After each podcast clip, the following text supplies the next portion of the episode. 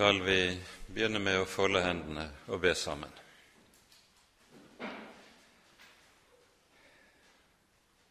Kjære gode Herre, Hellige Far. Så kommer vi frem for dine øyne med takk og lov for all din nåde mot oss. Takk, Herre, at du har åpenbaret din frelse og gitt oss din egen sønn. Du ga ham til soning i vårt sted for all vår synd og alt det som ondt er i våre liv og i våre hjerter. Takk, Herre, at du har gitt en fullkommen frelse i din Sønn, og at vi skal slippe å legge noe til. Lær oss, Herre, å regne med Jesus alene, og fri oss og frels oss fra det som er vårt eget. Så ber vi for denne kvelden. Herre, forbarm deg over oss. Send din Hellige Ånd og gi oss lys i Ordet, lys i Skriftene, at vi må kjenne deg i sannhet. Amen.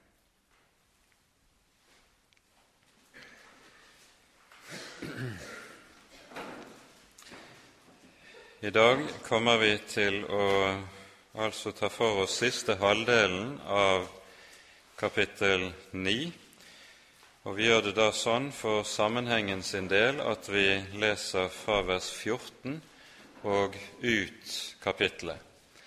Dersom det er noen som ikke skulle ha bibler, så det altså, står det noen bak som dere kan uh, bruke til å følge med i.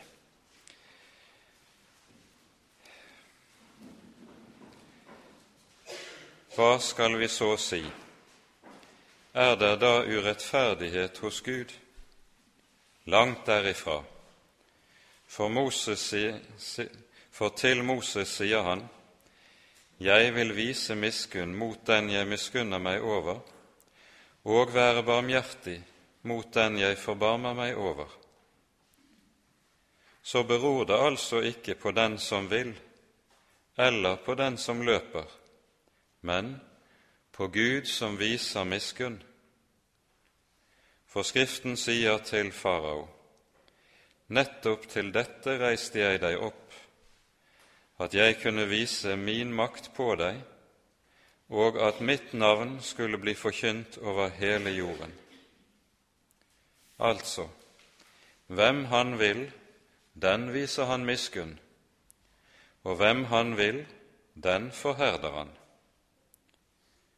Du vil da si til meg, hva er det da han klager over? Hvem kan stå imot hans vilje? Men hvem er da du, menneske, som tar til gjenmæle mot Gud? Kan vel verket si til ham som formet det, hvorfor gjorde du meg slik? Eller har ikke pottemakeren makt over leiren, så han av samme deig kan lage ett kar til ære og et annet til vanære.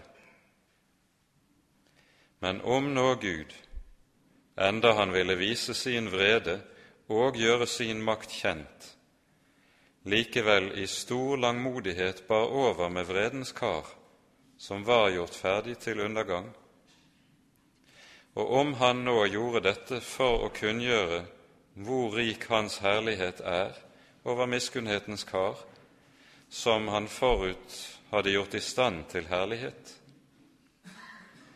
Til å være slike kar har han også kalt oss, ikke bare av jøder, men også av hedninger.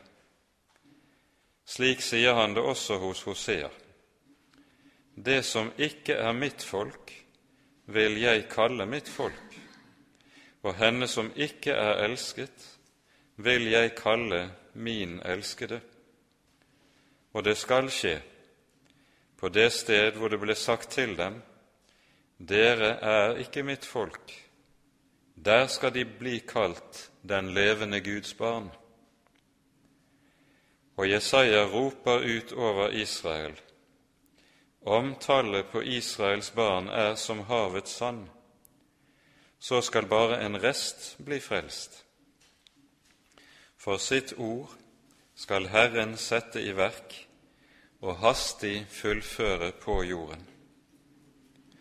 Og, som Jesaja forut hadde sagt, hadde ikke Herren Sebaot latt en ett bli igjen for oss, da var vi blitt som Sodoma, vi var blitt lik Gomorra.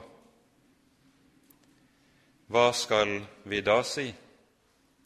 Jo, at hedningene som ikke jaget etter rettferdighet, de har funnet rettferdighet, men det er rettferdigheten av tro. Israel derimot, som søkte rettferdighetens lov, kom ikke frem til denne lov. Hvorfor? Fordi de ikke søkte den ved tro, men ved gjerninger. De støtte mot snublesteinen som det står skrevet. Se, jeg legger i Sion en snublestein og en anstøtsklippe. Den som tror på ham, skal ikke bli til skamme.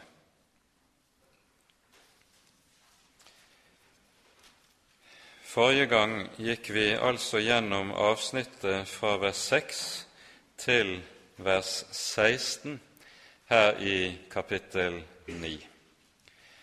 Og det som er hovedsaken i dette avsnittet, det er at når Gud har gitt frelse på jorden og utvalgt til frelse, så er denne utvelgelsen noe som ikke tar hensyn til det som mennesket er eller måtte ha å fare med. Gud utvelger helt fritt etter sitt eget råd og sin egen vilje. Og Derfor går det ikke an å påberope seg noen ytre, kjødelig avstamning om man, man, har, om man nedstammer fra Abraham fysisk kjødelig, så gir det ingen arverett til Guds rike i og for seg, noe som Paulus belegger med å peke på at av Abrahams to sønner var det bare den ene, nemlig Isak, som ble utvalgt. Den annen, Ismail, fikk ikke del i løftet. Og nøyaktig det samme kommer til å gjøre seg gjeldende med Isaks to sønner, Esau og Jakob. Og Det som med dette understrekes, er jo det Paulus også har vært inne på en rekke ganger tidligere i romerbrevet. Det er ikke den ytre omskjærelse som gir noen tilhørighet til Guds sanne folk, men det er hjertets omskjærelse. I dette har vi en klar parallell til og et forbilde som også gjelder oss, at like som omskjærelsen jo er det gammeltestamentlige forbildet på dåpen, så hjelper det ingen i ytre forstand å være døpt dersom han ikke har troen, for det er troen som er hjertets omskjærelse. Dersom en bare har dåpen i ytre forstand, så er det bare en rent Da kan en ikke sette sin lit til dette, fordi det er og blir noe som er rent kjødelig i tilfelle. Troen må alltid ledsage dåpen. De to ting hører uløselig sammen, og det er jo også dette som Paulus taler om en rekke, i en rekke andre avsnitt her i Romerbrevet som vi har vært inne på tidligere. Når Paulus nå peker på at Gud slik utvelger fritt i forhold til sin egen vilje, så vil eh, det naturlige mennesket komme til å stille spørsmål hva skal vi da si? Er det urettferdighet hos Gud? Det som ligger bak et sånt spørsmål, det er det naturlige menneskets anstøt mot evangeliet.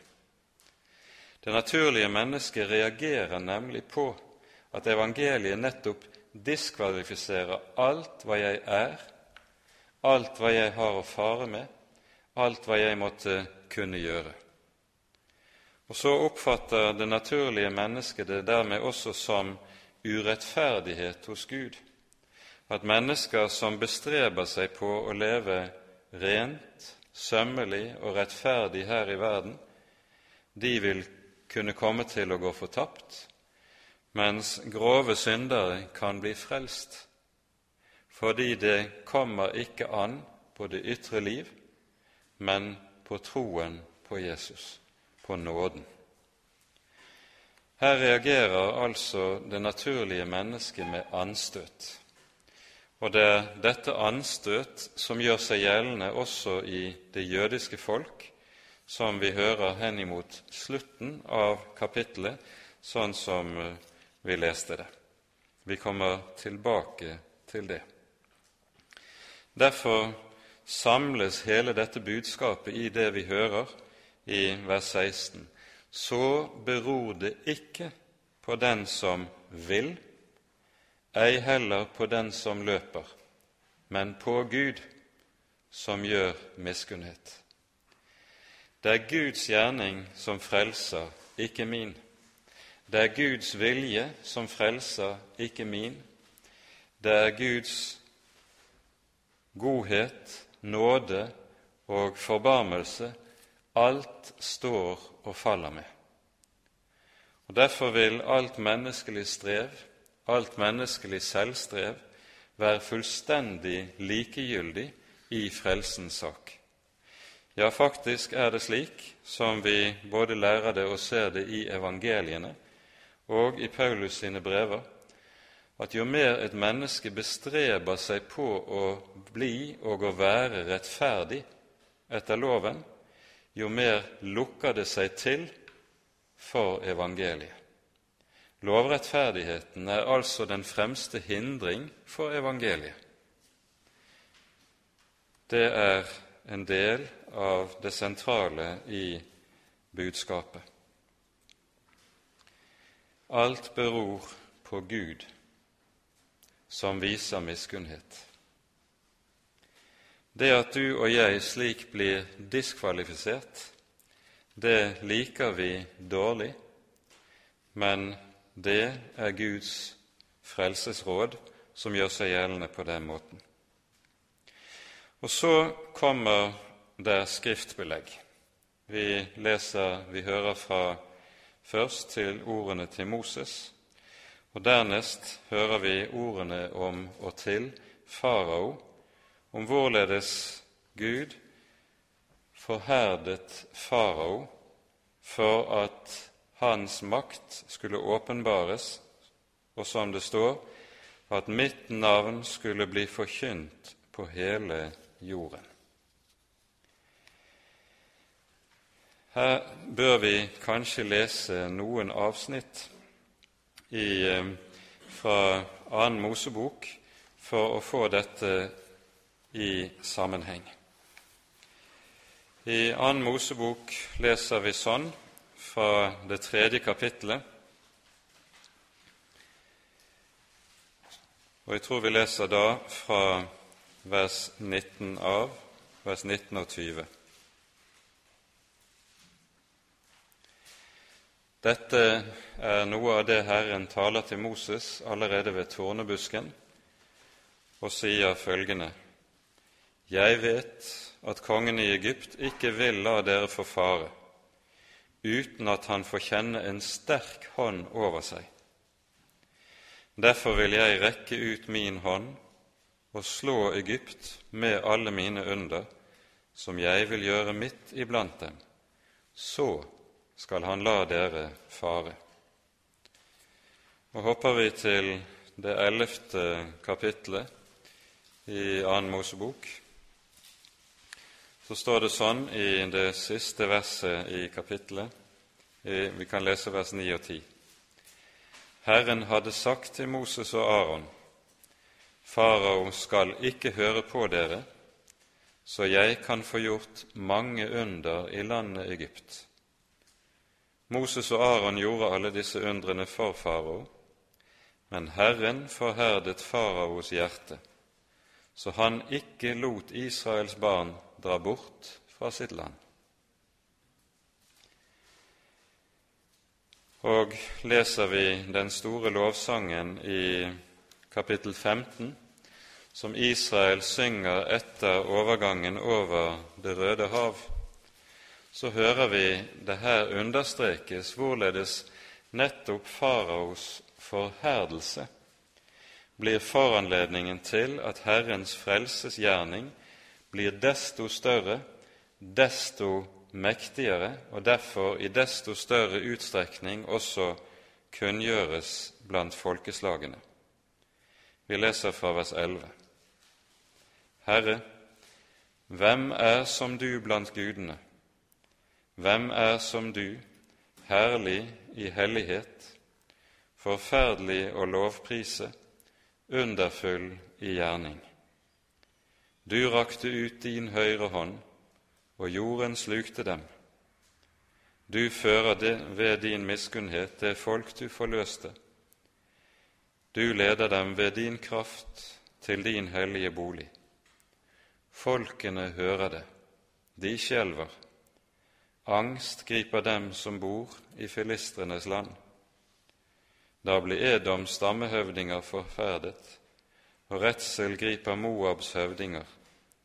Alle Kanans innbyggere forgår av angst. Forferdelse og redsel faller over dem. Ved din arms velde blir de stumme som stein mens ditt folk drar frem, Herre, mens det folk drar frem som du har vunnet deg.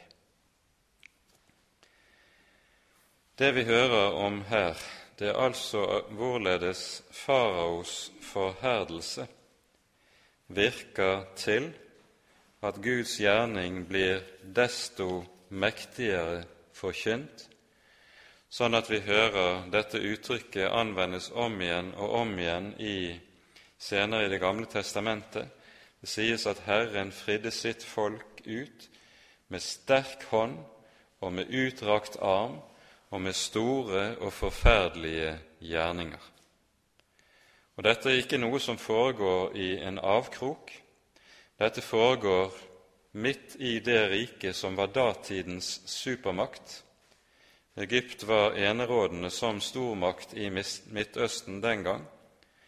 Og Derfor er det også slik at det som skjer i Egypt, det så å si vekker gjenklang, det blir sett og hørt blant alle nabofolkene. Herrens storhet blir forkynt for dem. Men så er det en og annen som stiller spørsmålet hva er det nå som skjer når Herren handler slik? Det står altså hvem Han vil, den viser Han miskunn, og hvem Han vil, den forherder Han. Er det urettferdighet hos Gud?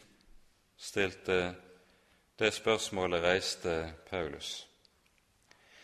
Det vi skal merke oss i dette avsnittet, det er at Paulus overhodet ikke svarer på den typen innvendinger gjennom å prøve å komme med lange forklaringer,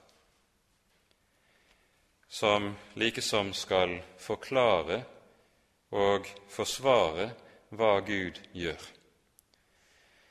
I filosofihistorien har man noe som man kaller teodisé-problemet. Teodisé, Ordet teodisé det betyr Guds forsvar.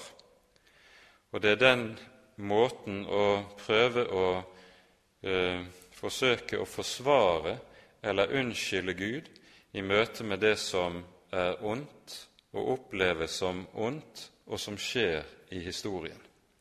Det er det åndes problem som reises. Vi merker oss at verken Herrens apostel eller ellers i Skriften reises det noe forsøk på den typen forklaringer eller unnskyldninger av Gud i møte med det ondes problem, det at Gud suverent gjør hva Han vil. Bibelen gir oss et visst innsyn i hva som ligger bak Guds råd i hans handling slik. Vi skal etter hvert komme tilbake til det, men det Paulus altså gjør, det er at han bare blankt avviser den slags spørsmål ved å peke på hvorledes Gud er den allmektige og suverene. Du vil da si til meg, hva er det da han klager over? Hvem kan stå imot hans vilje? Men hvem er du menneske som tar til gjenmæle mot Gud? Og så siteres det på ny fra Det gamle testamentet, og nå fra Jesaja 26 og Jesaja, unnskyld, Jesaja 29 og Jesaja 45. Og vi skal kikke litt på det som sies i Jesaja 45, for det er i denne sammenheng meget nyttig.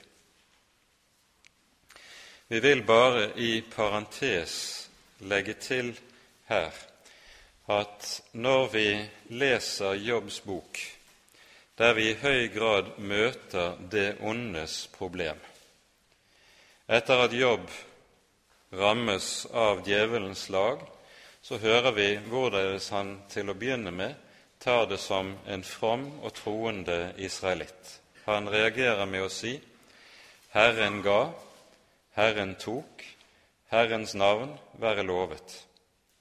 Og når hans kone sier til ham, Vår hjelp er det å frykte Gud, du ser det har ikke gagnet deg det aller minste, så svarer Jobb henne med å si, Skal vi bare ta imot det gode av Herrens hånd? Skal vi ikke også ta imot det onde?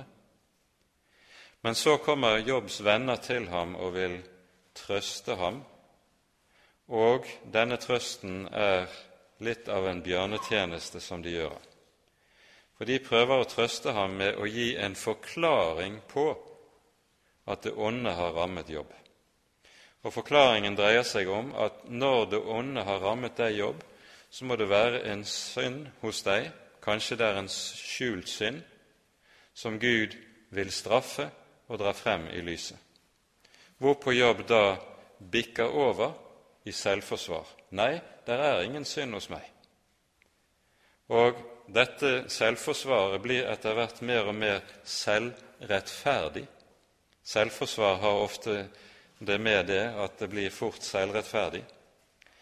Og Jobb får seg til slutt til å hevde 'Jeg er rettferdig, det er Gud som er urettferdig', og begynner å anklage Gud for det onde som rammer ham. Det vi da merker oss i Jobbs bok, det er at Herren overhodet ikke svarer på Jobbs anklager, Jobbs spørsmål eller Jobbs anfektelse. I stedet får Jobb to svar. Han får for det første et svar som møter han gjennom den siste, Elihu, som er taus, så å si gjennom hele boken inntil han, fordi han er ung, eh, tar ordet til sist fordi de eldre ikke lenger kan svare jobb. Du møter Elihus tale fra kapittel 33 til 36. Der får du det åndelige svaret på hvorledes Herren bruker det som smaker mennesket bittert, som redskap i sin hånd og i sitt styre med mennesket. Det hele kan samles i ordene i kapittel 36, der Elihu sier han frelser den ulykkelige ved hans ulykke. Altså, Gud bruker det som er ulykke, til å nå inn til mennesket for at de skal bli frelst. Og Dernest kommer Herren og åpenbarer seg for jobb i stormen. Og i stormen og i denne veldige åpenbaringen som Jobb får av Herren, så stiller Herren ham spørsmål Hvem er du som formørker mitt råd med ord uten vett?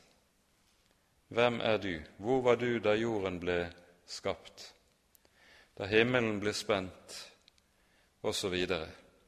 Du som ikke forstår deg selv engang, hvorledes skal du kunne forstå Han som har skapt alt dette veldige som naturen og universet bærer i seg? Og så må Jobb kalle tilbake.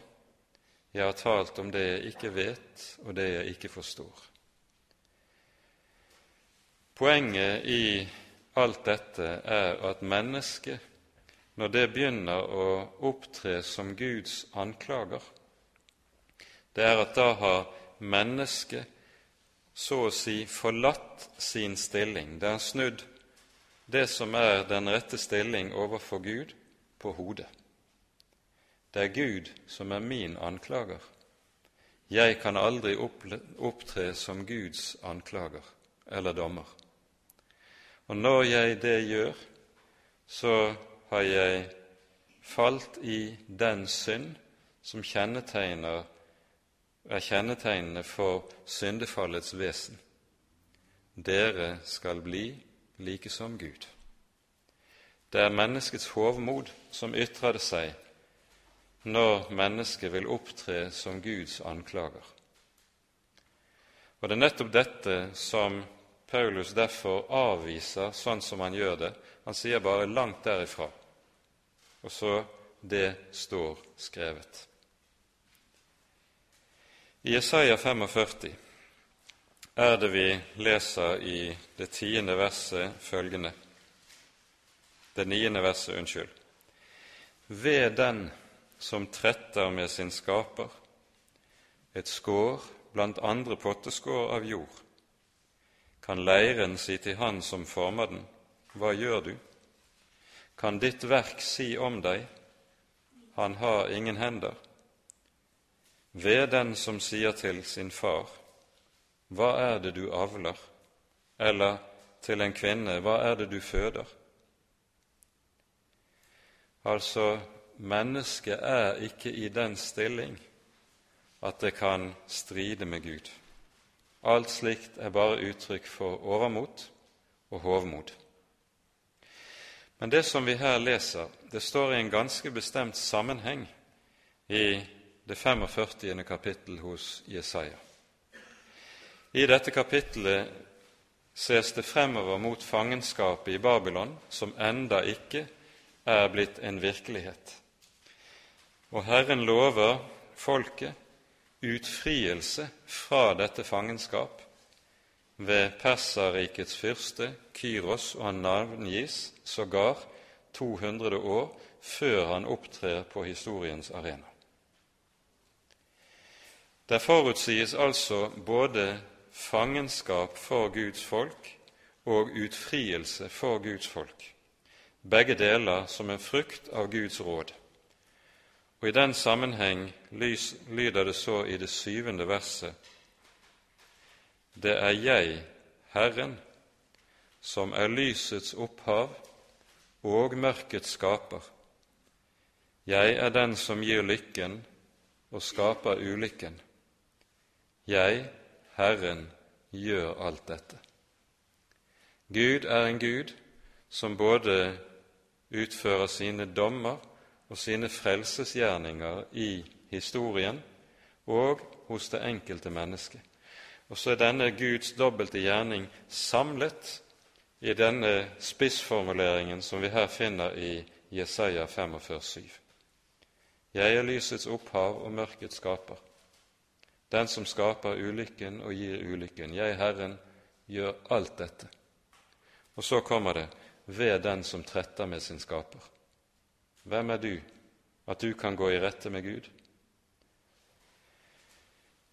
Dette understrekes også meget sterkt noe lenger. Vi kan ikke ta hele sammenhengen i kapittelet, men i vers 15 også i et sånt sentralord hos profeten, der det står slik Sannelig, du er en Gud som skjuler seg.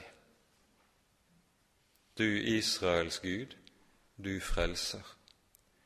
Og merk sammenhengen som vi her finner mellom det at Herren skjuler seg, og det at Han frelser. Det er slik Skriften taler. Det er underlig tale. Men dette er altså Guds vis. Den aller tydeligste åpenbaring nettopp av den sannhet som vi her er inne på, det er jo det vi finner på korset. Hvem kunne se at det var Gud som hang der i elendighet på korset og ropte sitt Min Gud, min Gud, Hvorfor har du forlatt meg? Han skjuler seg, men nettopp det er til frelse. Slik er Guds veier andre enn våre veier. Han handler på måter som vi ikke kan begripe alltid med vår forstand.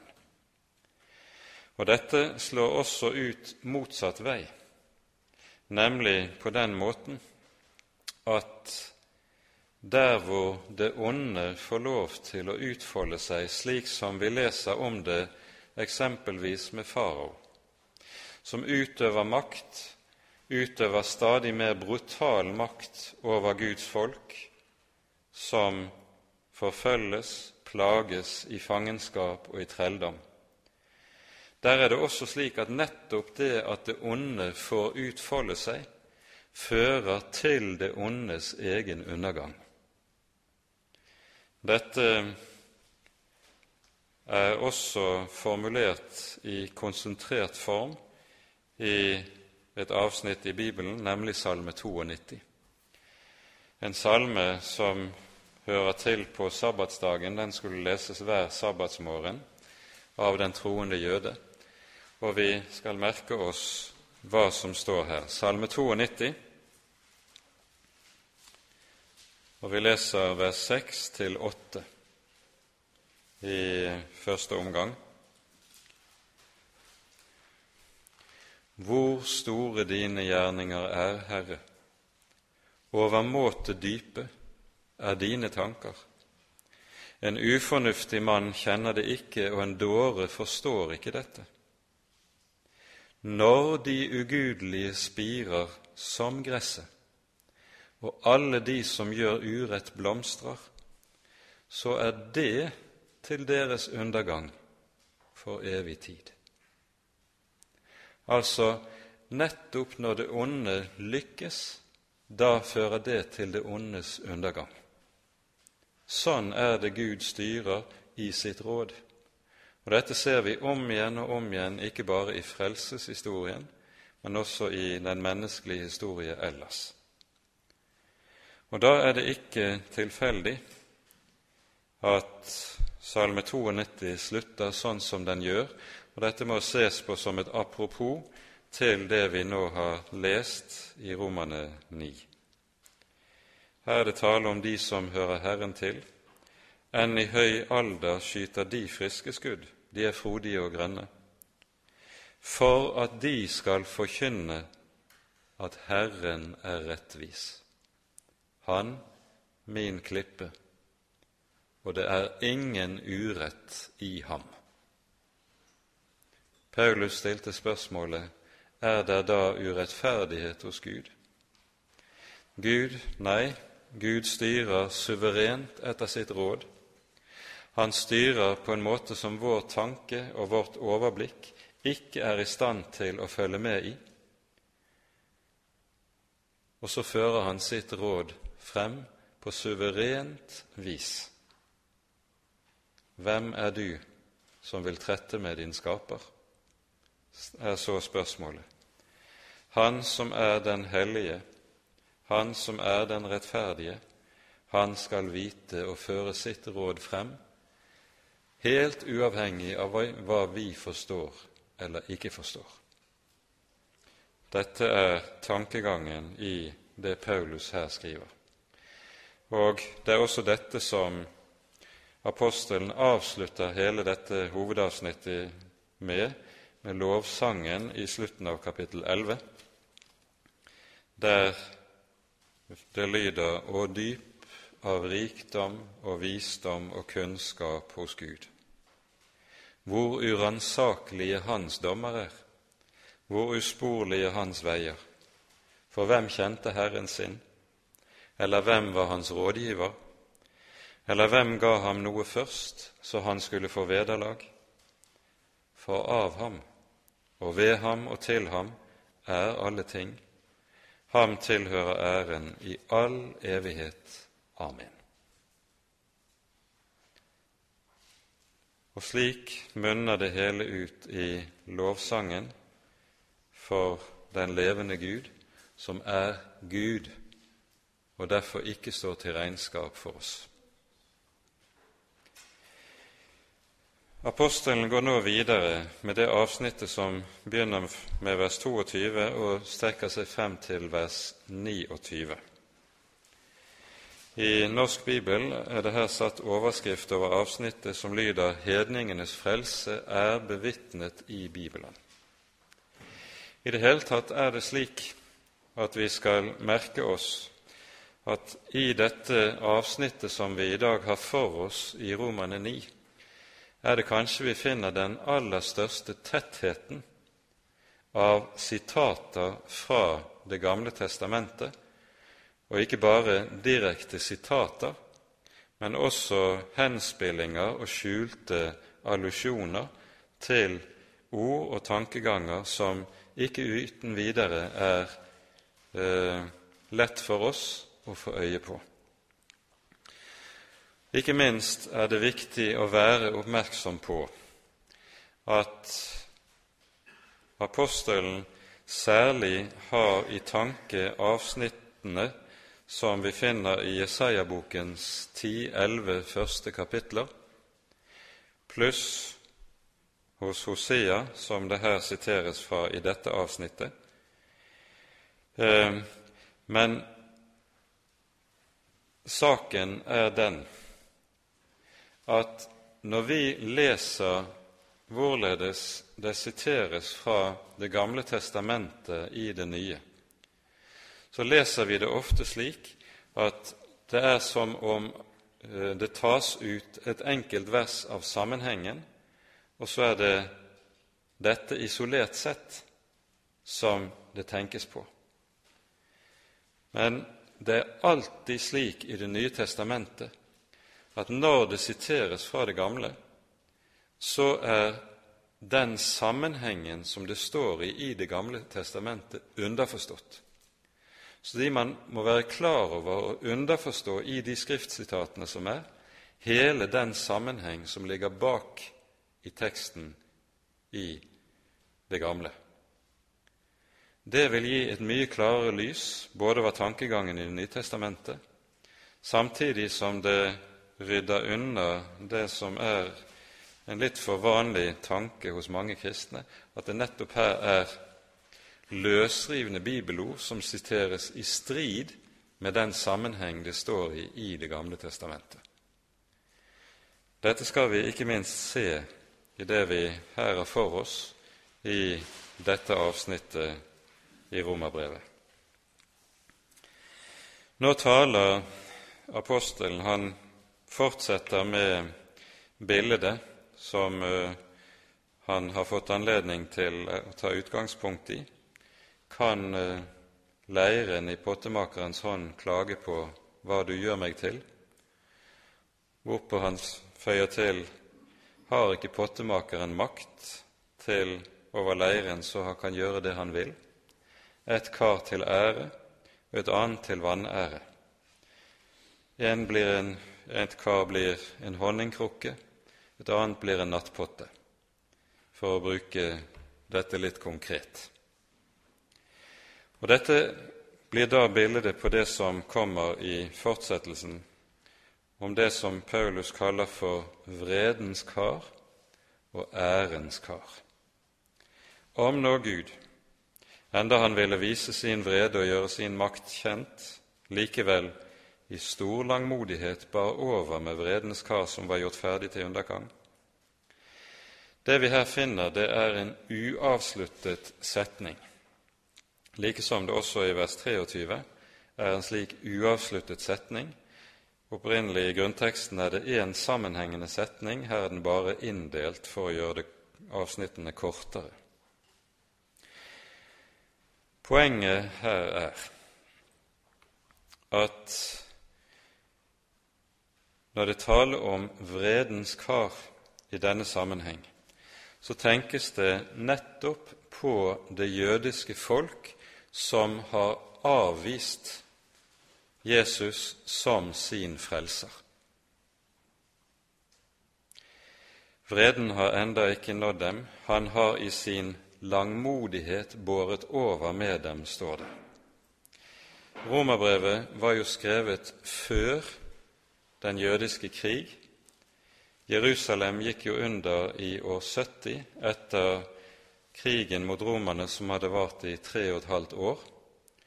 I år 70 inntok romerne Jerusalem og jevnet dem med jorden. Tempelet ble lagt i ruiner, osv.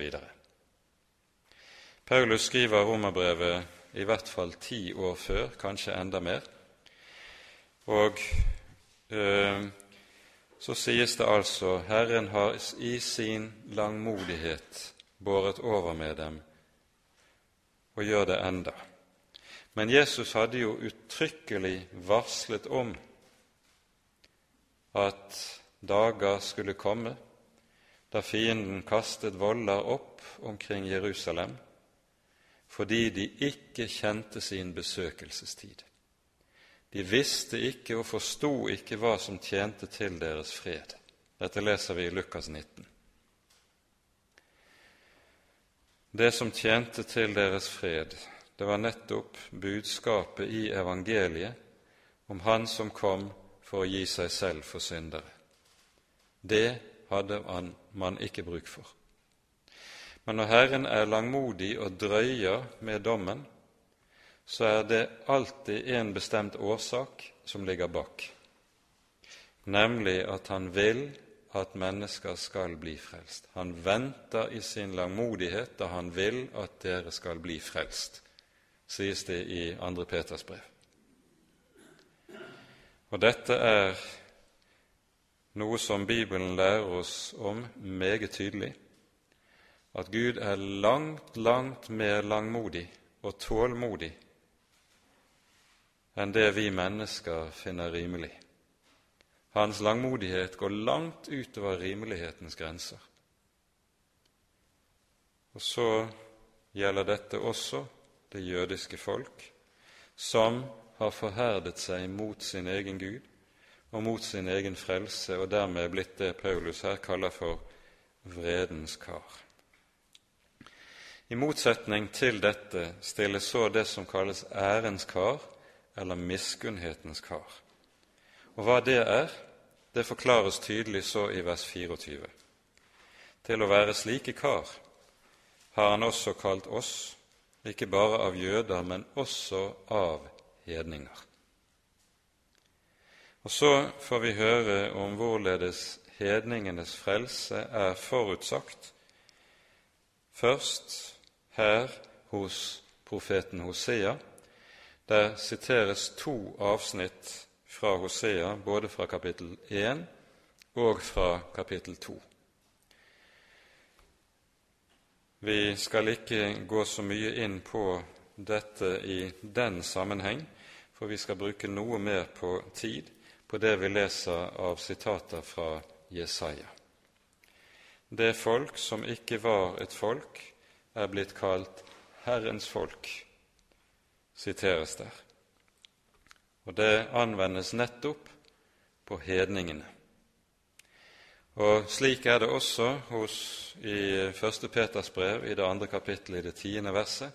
Der siteres det også slik fra Hosea 1 som et ord som har anvendelse på hedningene. Det er ganske bemerkelsesverdig at det nettopp her fra Hosea det siteres med tanke på hedningene og hedningenes frelse. Det er jo nemlig slik at det vil for oss ville det synes langt mer nærliggende at det var en del andre bibelord som ble sitert. f.eks. Abrahams løfte når han ble kalt i deg skal alle jordens folkeslag velsignes. I det ligger det et løfte om hedningenes frelse. Eller ord som vi finner i Salme 2, der Faderen sier til Sønnen:" Begjær av meg, så vil jeg gi deg hedningene til arv og jordens ender til eie. Eller fra profeten Jesaja. Det skal skje i de siste dager. Da skal fjellet der Herrens hus står, være grunnfestet på toppen av fjellene. Og alle folk skal strømme opp til det og si til hverandre:" Kom og la oss dra opp til Herrens hus, for at Han kan lære oss sine veier. Dette er jo løfter som går igjen gjennom hele Det gamle testamentet. Men ingen av disse siteres, men altså i stedet fra profeten Hosea. Og der er det slik at ordene hos Hosea når du leser dem i tekstsammenhengen, er slik at det her er tale om hvorledes tistammerike, som nå står foran dommen og ødeleggelsen, en dag skal få høre dere som ikke er et folk, skal bli mitt folk. Dette får anvendelse altså på hedningefolkene.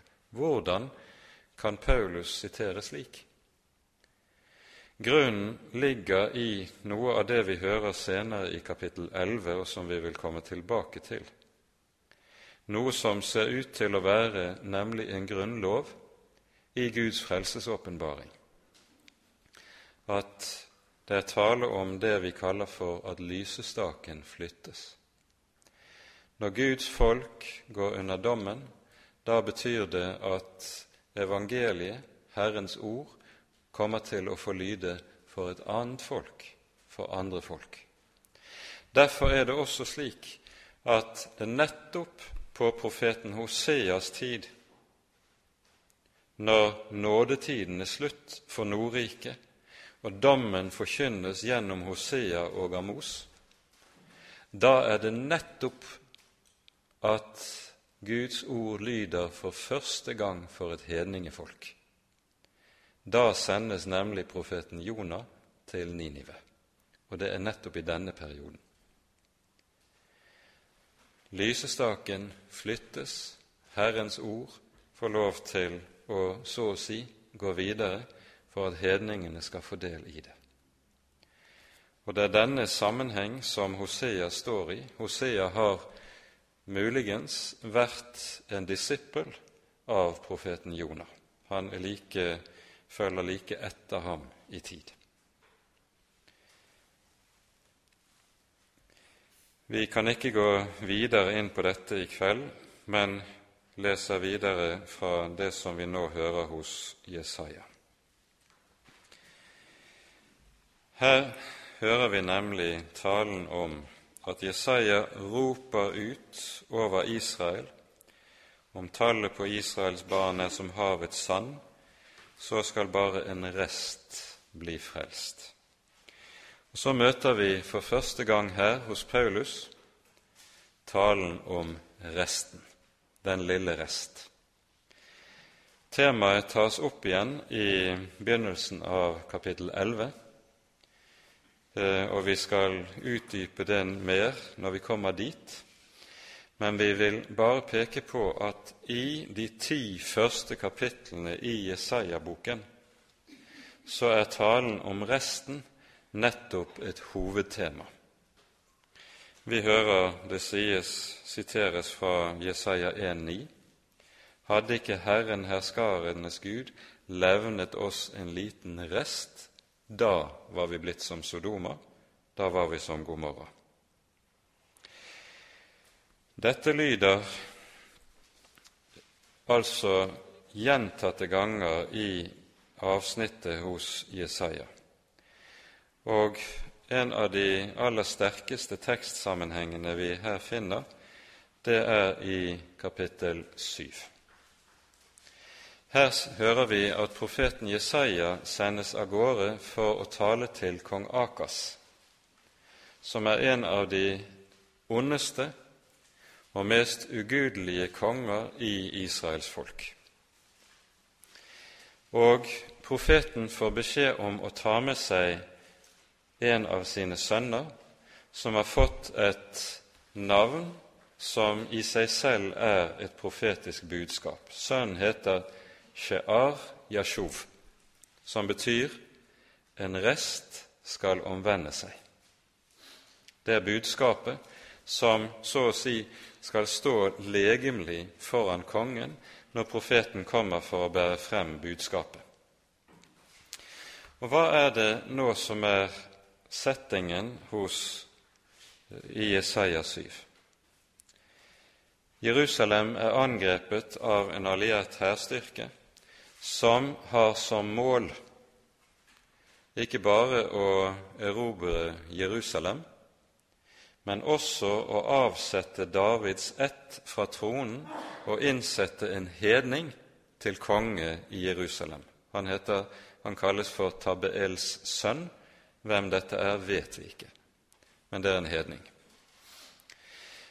Hva er det som gjør at profeten nå kommer til denne ugudelige konge med løfte om frelse i stedet for dom? For det er jo ellers slik i Det gamle testamentet at når vi står overfor de ugudelige kongene, og særlig sånne som er så grovt frafalne som Akas, da forkynner profetene dom over disse. Men her lyder det altså frelsesord og løfter til kong Akas.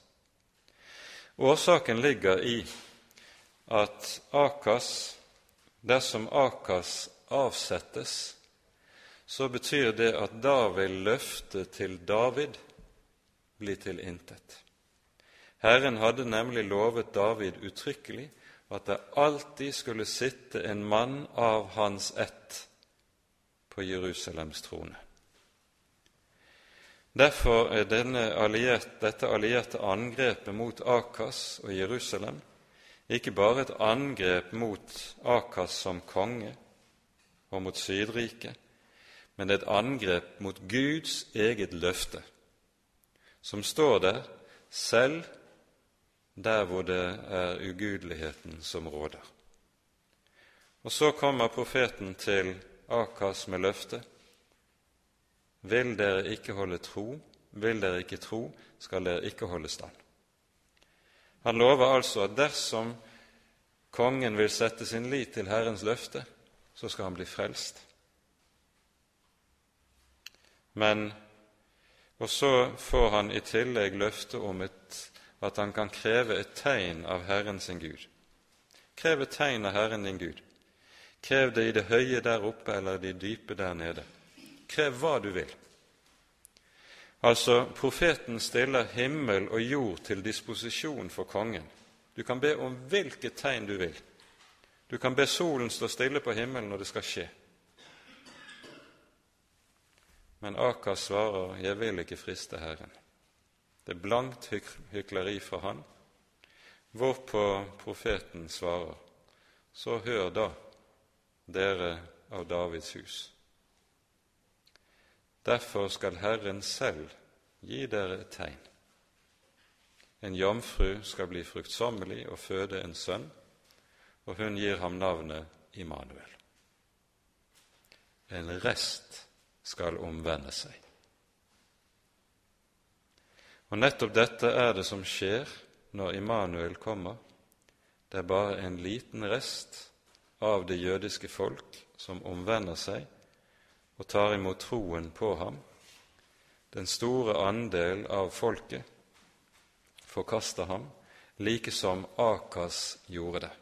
Dette er tekstsammenhengen som vi står i. Og så forstår vi med dette at Paulus har en meget dyp forståelse av hva som er Israels historie, som ligger i bunn under det han nå taler.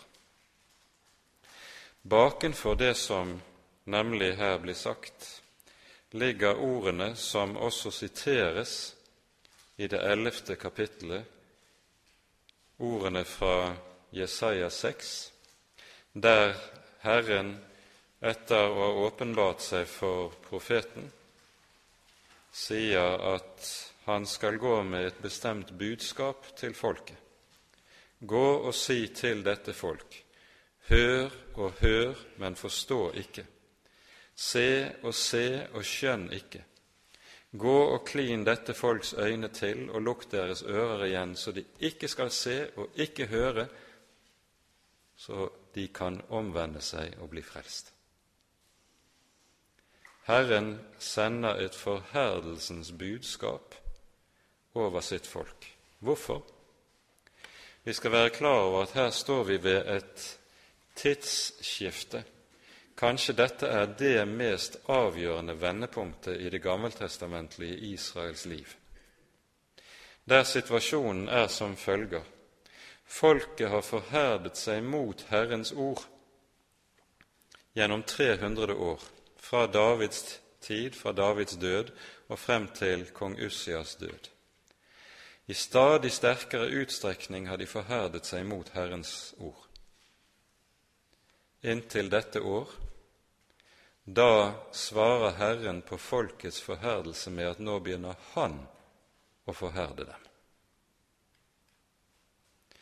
Altså, det er en åndelig dom som Gud setter i verk overfor det gammeltestamentlige Israel, som består i at han forherder folket. Og denne forherdelsesdom gjør seg stadig sterkere gjeldende i det jødiske folk, noe som gjør at det ikke er tilfeldig at nettopp disse ordene fra Jesaja 6, 9 og 10 de siteres i fire helt avgjørende og sentrale sammenhenger i Det nye testamentet, i det Det nye testamentet nettopp leser denne teksten slik at det er på Jesu og apostlenes tid, i møte med Jesu og apostlenes budskap, at forherdelsesdommen når sitt høydepunkt og sin endelige oppfyllelse. Hvem han vil miskunner han seg over. Hvem han vil, forherder han, leste vi. Det er dette Paulus har liggende inn i den tekstsammenheng som ligger bak sitatene som vi her har lest. Det er resten. For mens altså den store andel av folket vender seg fra Herrens ord, så er det en liten rest som vender om. Og Så kommer avslutningen av kapittelet fra vers 30 til 32, til 33. Hva skal vi da si? Jo, at hedningene som ikke jaget etter rettferdighet, de har funnet rettferdighet. Men det er rettferdigheten av tro. Israel derimot, som søkte rettferdighetens lov, kom ikke frem til denne lov. Hvorfor? Fordi de ikke søkte den ved tro, men ved gjerninger. De støtte mot snublestein. Og så kommer det på ny et viktig sitat. Men først en liten bemerkning til vers 31. Israel derimot som søkte rettferdighetens lov. Her vil dere se at under verset står det en henvisning til Jesaja 51, vers 1. Hør dette, dere som søker etter eller jager etter rettferdighet, sies det her.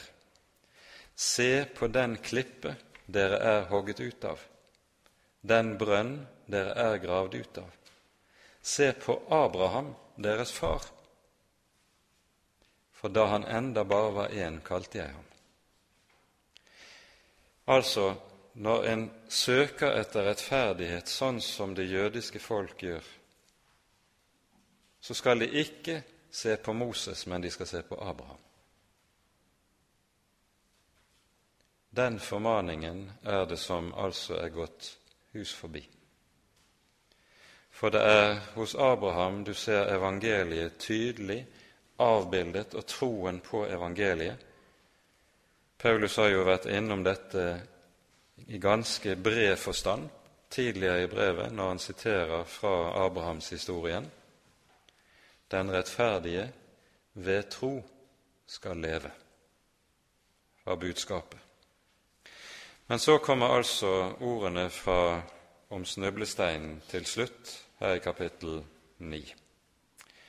Og Det vi skal merke oss nøye her, det er at sitatet som vi leser i vers 33, det er en kombinasjon av to bibelvers fra profeten Jesaja. Det er fra Jesaja 28, 16 og fra Jesaja 8, 14. Betydningen av ordene i Jesaja 8, 14, at de anvendes på Jesus, det er at der står det Herren, Israels Gud, skal bli en anstøtsstein og en anstøtsklippe for hele Israels hus. Og de skal gå og snuble og fanges og bindes. I dette sies det dermed altså at den Jesus som det jødiske folk har forherdet seg mot, det er Herren sin Gud. I Kristi person er Det gamle testamentets Gud nærværende i sitt folk. Det er det som sies ved at det siteres på denne måten fra Jesaja 8, og så kombineres det altså med Jesaja 28.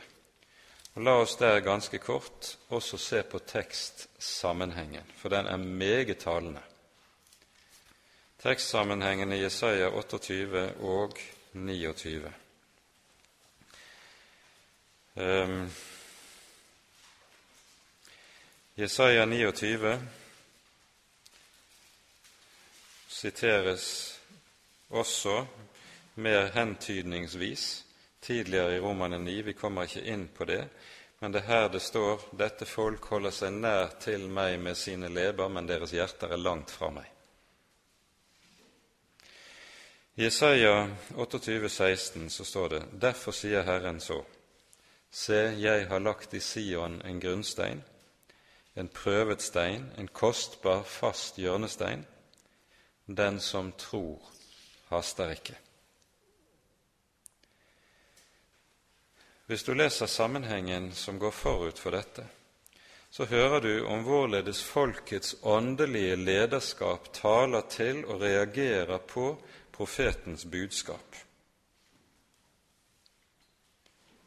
De sier, vi leser fra vers 9, hvem vil han lære å forstå kunnskap? Er det barn som nettopp er avvent fra melken, som nettopp er tatt bort fra brystet? For bud på bud, bud på bud, regel på regel, regel på regel, litt her og litt der. Altså, folkets religiøse lederskap de kommer med denne anklagen mot profeten Tror du at vi er små barn, siden du stadig kommer og vil oppdra oss og fortelle oss hva som er rett og galt? Profeten har jo forkynt Herrens lov, som sier både hvorledes de skal vandre, og hva de skal holde seg unna.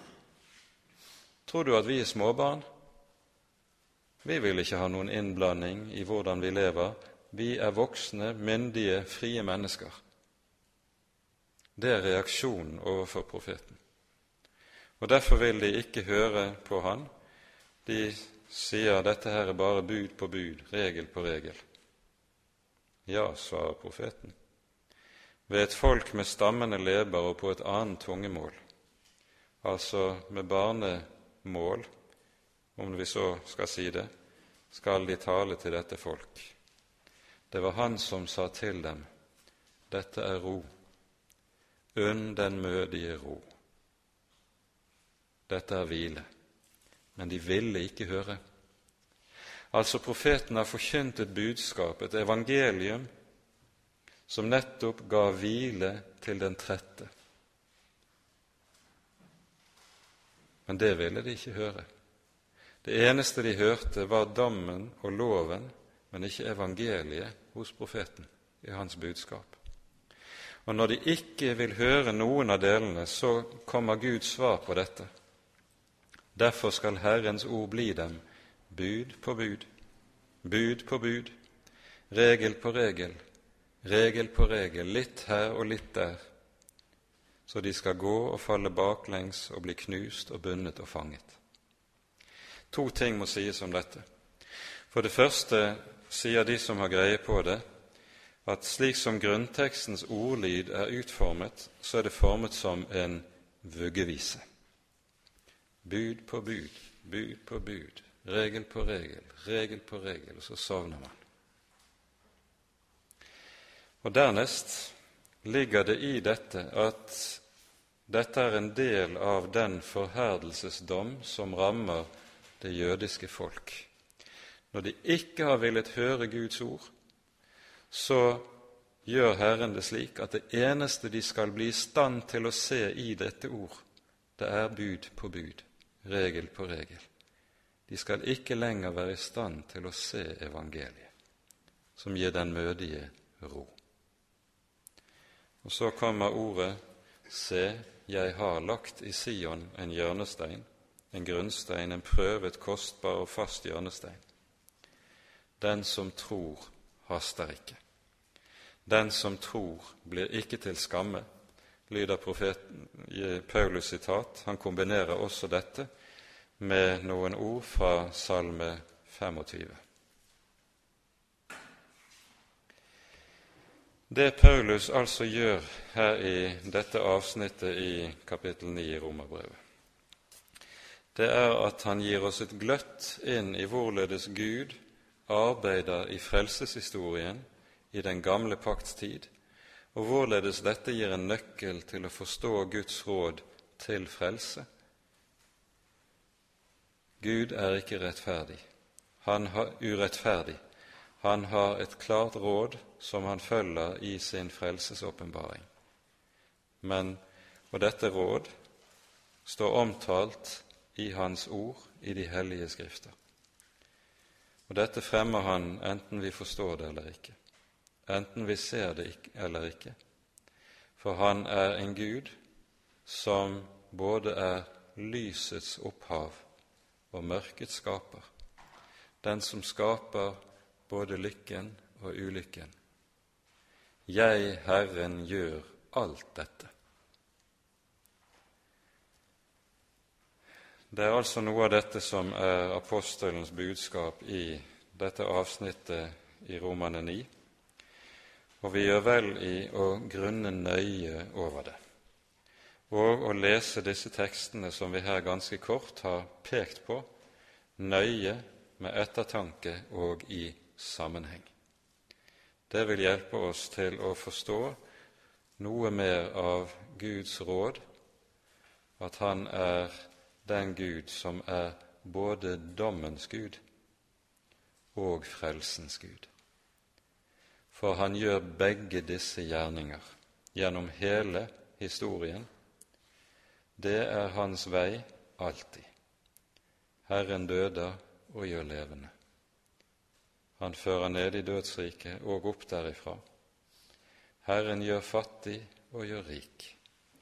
Han nedbøyer og han opphøyer. Det er hans gjerning. Ære være Faderen og Sønnen og Den hellige ånd, som var og er og være skal en sann Gud, høylovet i evighet. Amen.